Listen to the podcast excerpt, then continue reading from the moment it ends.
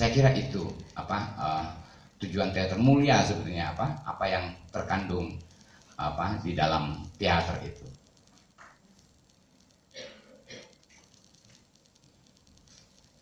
Acting itu uh, bukan sesuatu yang asing sebetulnya di dalam hidup dan kehidupan kita ya. Jadi uh, jangan uh, menganggap acting itu sulit. Acting itu gampang ya sehari-hari sebenarnya kita sudah acting anda begitu anda masuk ke dalam kebudayaan ya masuk ke dalam kebudayaan itu ketika anda bangun tidur mandi sarapan berangkat kuliah berangkat sekolah berangkat kerja itu artinya Anda masuk ke wilayah kebudayaan. Nah, ketika Anda masuk ke wilayah kebudayaan, Anda acting. Misalnya yang akan ke kampus dia akan memilih pakaian tertentu untuk berangkat ke kampus, ya. Yang akan ke kantor dia memakai pakaian tertentu untuk berangkat ke kantor. Itu acting. Jadi bukan sesuatu yang asing. Apa sih? Ada nggak satu orang yang bisa menyimpulkan apa itu yang disebut acting? Siapa yang ingin? Salah satu siapa yang apa kesimpulan anda tentang acting? Apa yang disebut acting itu? Ada nggak satu orang? Coba ayo. Siapa yang bisa menjabarkan itu? Sedikit aja. Apa acting itu? Atau saya tunjuk satu. Tunjuk aja. Ya, saya tunjuk ya. Ayo. Relax saja kita. Ayo ditunjuk. Gak apa-apa yang anda ketahui Iya, saja. Iya, Anda iya, iya. itu apa? Ayo ditunjuk. Ayo. Eh, ya, Paling menonjol. saya sebenarnya ilmunya masih cetek banget istilahnya. Jadi baru eh, sekitaran dua tahunan lah baru nengok-nengok nonton-nonton eh, teater. Eh, tapi bagi saya eh, acting itu adalah kegiatan memang yang biasa dilakukan sehari-hari. Memang jadi eh, tidak ada bedanya dengan kehidupan sehari-hari. Jadi memang istilahnya ya bawaan saja seperti itu. Gitu. Oke, tepuk tangan dulu. Yang jarak. Ayo. Ayo.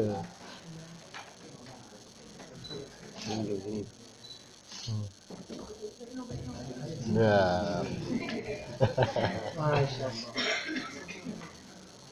Kalau menurut saya, jadi saya baru juga ya om di ini ya teater.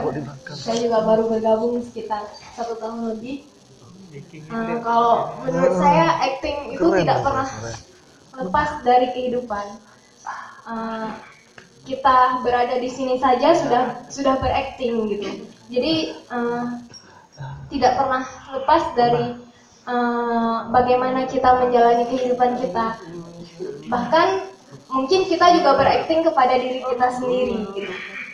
Eh, menurut saya acting itu tidak ya hidup hidup itu berarti acting menurut saya. Ah, pendapat dari dua calon tokoh teater ini Amin, Ah. amin. mengingatkan saya pada lagu yang seperti ini. Dunia ini panggung sandiwara. Ya, ya. Lanjut. Oke. Ah, Tarik, Mas. acting itu adalah perilaku yang dilakukan oleh seseorang untuk meyakinkan orang lain supaya orang lain itu yakin kepada apa yang dia lakukan itu acting Iya. jadi artinya penipu itu juga acting ya, Yang penipu itu juga acting toh Ya. Ya kan? Ya, Bang. penipu acting nggak Bang. Jawab, Bang. kalau dia actingnya nggak hebat ketangkep ya ketahuan ya kan? tapi karena dia hebat orang jadi apa ngomel karena di, telah tertipu gitu ya nah sekarang apa bedanya acting yang dilakukan oleh penipu dengan acting yang dilakukan oleh aktor oleh seorang pemain saya ingin dua orang lagi ber- apa menjawab apa yang membedakan acting. Ya, tadi kan katanya acting itu ke, apa? kehidupan ya, sehari-hari kita acting. Penipu itu juga acting ya kan. Nah, sekarang apa bedanya? Acting yang dilakukan oleh seorang penipu dengan acting yang dilakukan oleh seorang aktor.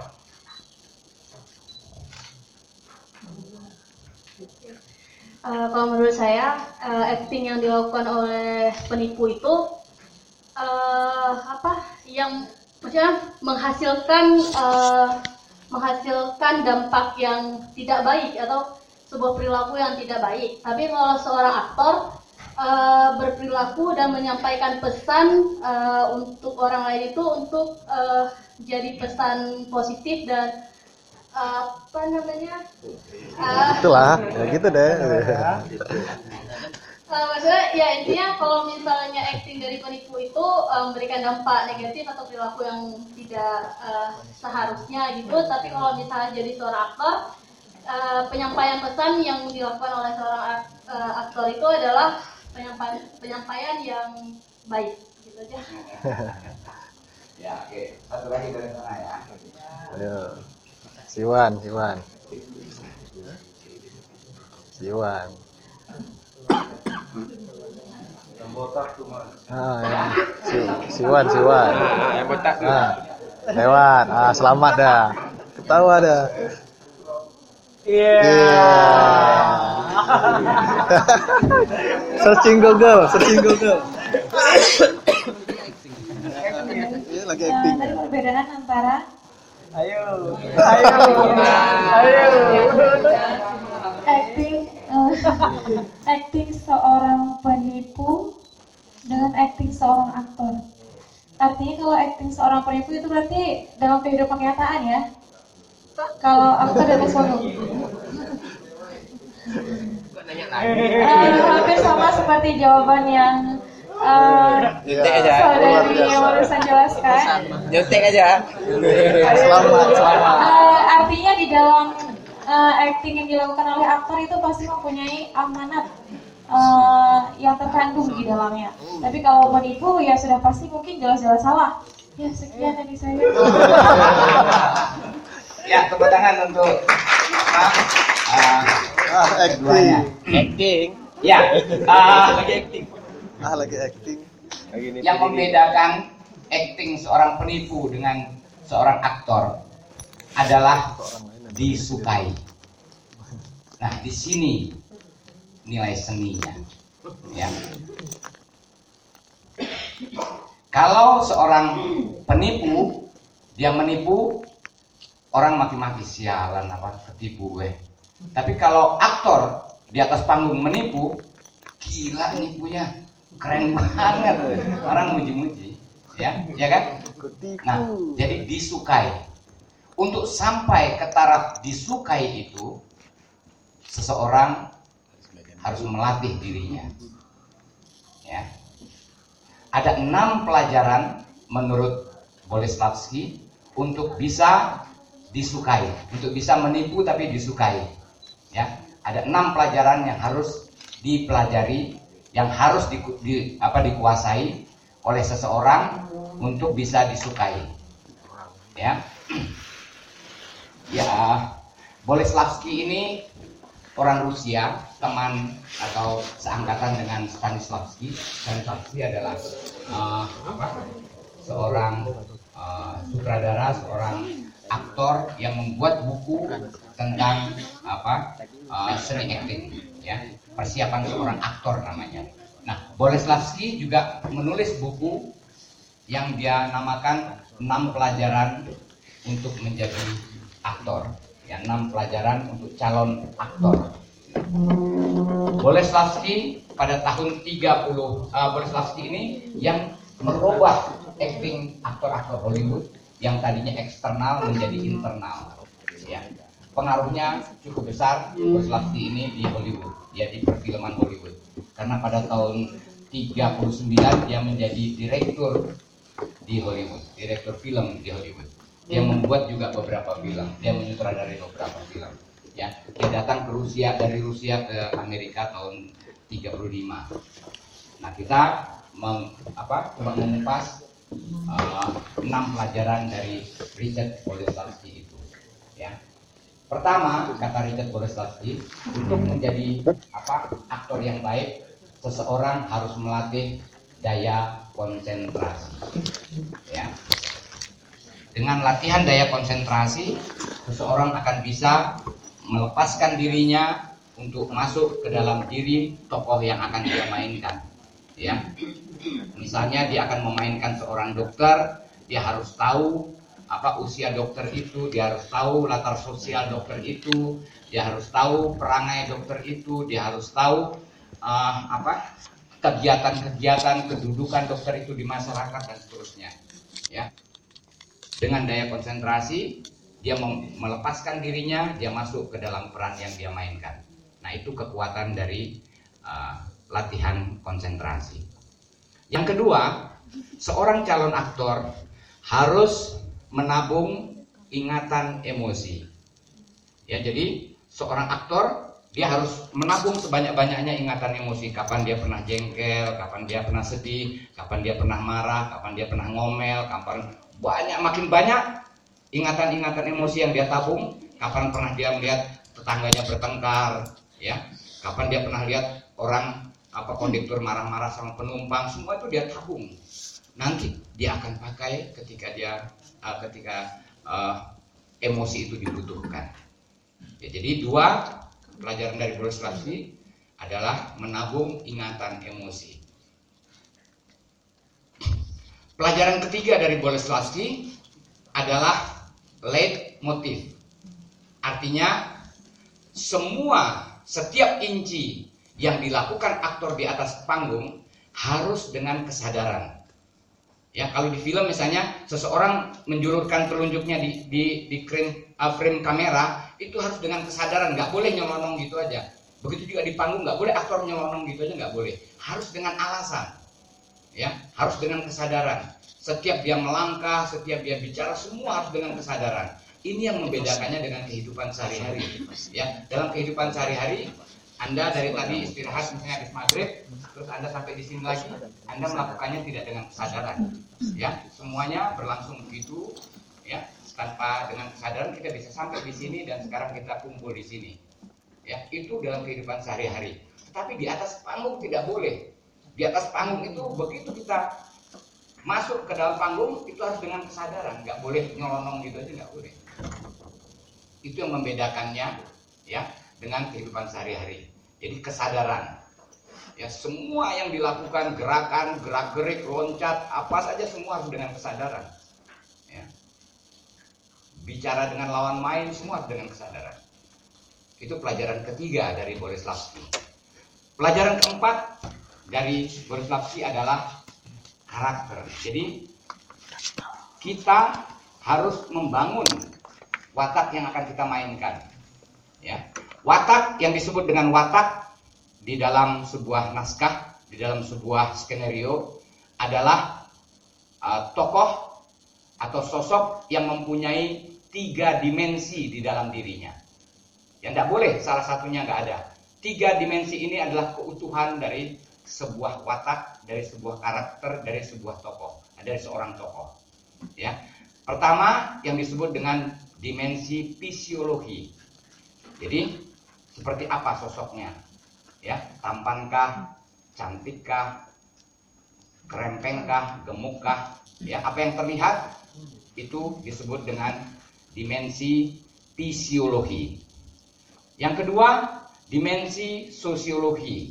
Jadi pendidikannya seperti apa, pergaulannya seperti apa, usianya berapa, apa uh, cara dia bergaul, cara dia berkomunikasi, semua hal-hal yang berkaitan dengan kemasyarakatan itu adalah dimensi sosiologi.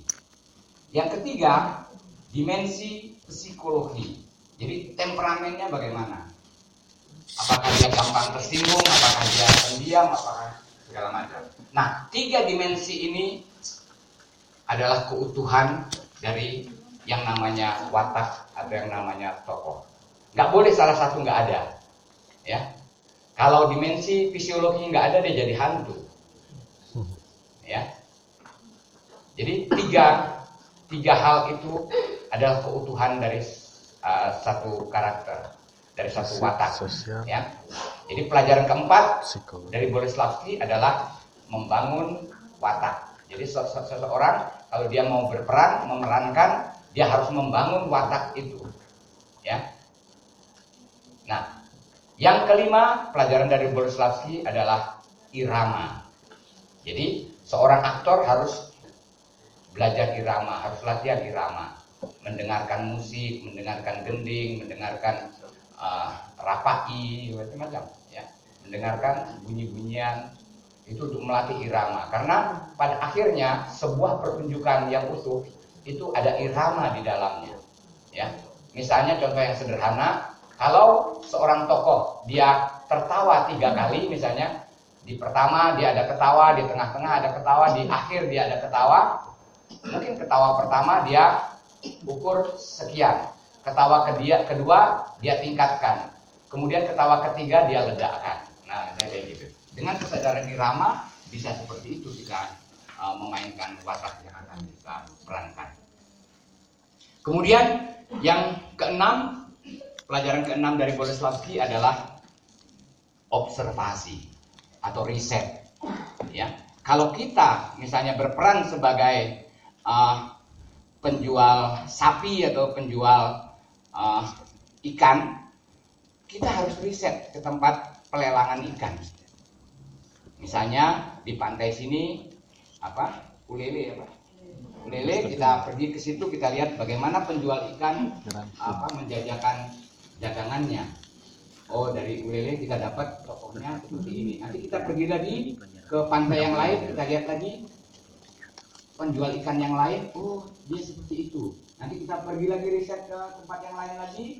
Oh seperti itu. Nah dari apa yang kita amati itu kita gabungkan kita lahirkan satu penjual ikan yang segar. Yang lain dari yang di ulele lain dari yang ini yang itu. Nah kita bisa menampilkan sesuatu yang segar dari toko penjual ikan di situ. Nah itu tujuannya apa? Observasi. Itu tujuannya riset. Ya di samping apa? Sesuatu yang akurat kita dapatkan. Jadi tidak hanya membayang-bayangkan saja tapi kita langsung terjun dan kita langsung mewawancarai uh, tokoh yang kita mainkan karena memang pada akhirnya seni acting itu adalah seni imajinasi sebetulnya ya. Dari yang tidak ada kemudian dia menjadi ada ya. Bangku itu bisa sebagai bangku bisa juga sebagai bukit bisa juga sebagai apa saja ya. Tergantung kepada aktor menghidupkannya sebagai apa ya. Kita lihat misalnya contoh ini ini nggak ada apa-apa tapi begitu aktor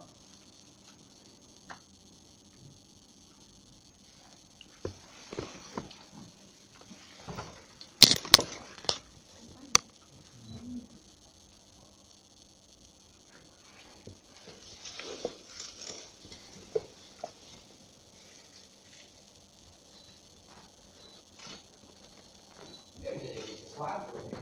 Nggak ada ini nggak ada apa. Jadi seni acting itu pada hakikatnya adalah seni imajinasi. Dan aktor menghidupkan apa yang ada di atas panggung itu. Itu pengantar dari saya. Nanti kita ngobrol seluas-luasnya. Apa saja boleh ditanya ya. Boleh soal sastra boleh soal film boleh soal teater. Kebetulan saya juga memainkan beberapa film ya ada dua film saya tapi tidak beredar di sini saya di Belanda ya di Eropa. Ah, satu judulnya Zamrud Katulistiwa terus satu lagi Uruh Uruh itu sering di ah, apa RCTI diputar kalau hari kemerdekaan sering diputar ke Uruh oh tulisannya Oer gitu film Belanda. Dan ada juga saya main film dengan Ibrahim Kadir ya. Ah, apa ah, penyair dari Gayo apa Gayo? Gayo dari Gayo ya. Judulnya puisi tak terkuburkan dan Ibrahim Kadir di film itu menjadi the best actor di apa ah, di Singapura mendapat ah, predikat the best actor. Jadi di Aceh ini sebenarnya banyak tokoh-tokoh teater. Ah, sahabat saya juga pendiri teater di sini namanya Mas Kirdi ya. Seperti saudara kami ya. Ini adiknya. Ah, dia juga apa tokoh teater yang sangat gigih dia belajar ke mana-mana. Mas Kirim itu belajar sama Rendra belajar sama sama Arifin belajar sama siapa saja. Ya. Untuk maju kita membuka diri untuk belajar kepada siapa saja. Ya. Harus kita redam kesombongan itu untuk belajar dari banyak orang. Ya. Jangan takut belajar dari banyak orang saya belajar sama Putu, saya belajar sama Arifin, saya belajar sama Teguh Karya, saya belajar sama Rendra, saya belajar di IKJ dengan Suhut Wahyu Siombing, Tati Maliati, dengan banyak sekali dosen ya. Enggak apa-apa, tetapi dengan begitu saya bisa menemukan bentuk teater saya yang berbeda dengan teater Putu, berbeda dengan teater Arifin, berbeda dengan teater Rendra dan seterusnya. Walaupun saya berguru dengan Rendra, teater saya uh, tidak seperti teater Rendra atau tidak seperti teater Putu. Kalau anda nanti buka Facebook, ya, ada saya mem memainkan apa Hamlet ya pada tahun 80 saya menyutradarai Hamlet dan uh, apa Nur Kamarendra menulis panjang lebar tentang pertunjukan saya itu uh, dia terkejut karena saya menyutradarai Hamlet saya main jadi Hamletnya saya yang bikin dekornya, saya yang mengatur lampunya, saya yang mengatur kostumnya semuanya saya kerjakan sendiri ya. Sendiri. Dan di Festival Teater Jakarta waktu itu dapat lima medali. Hmm. Ya.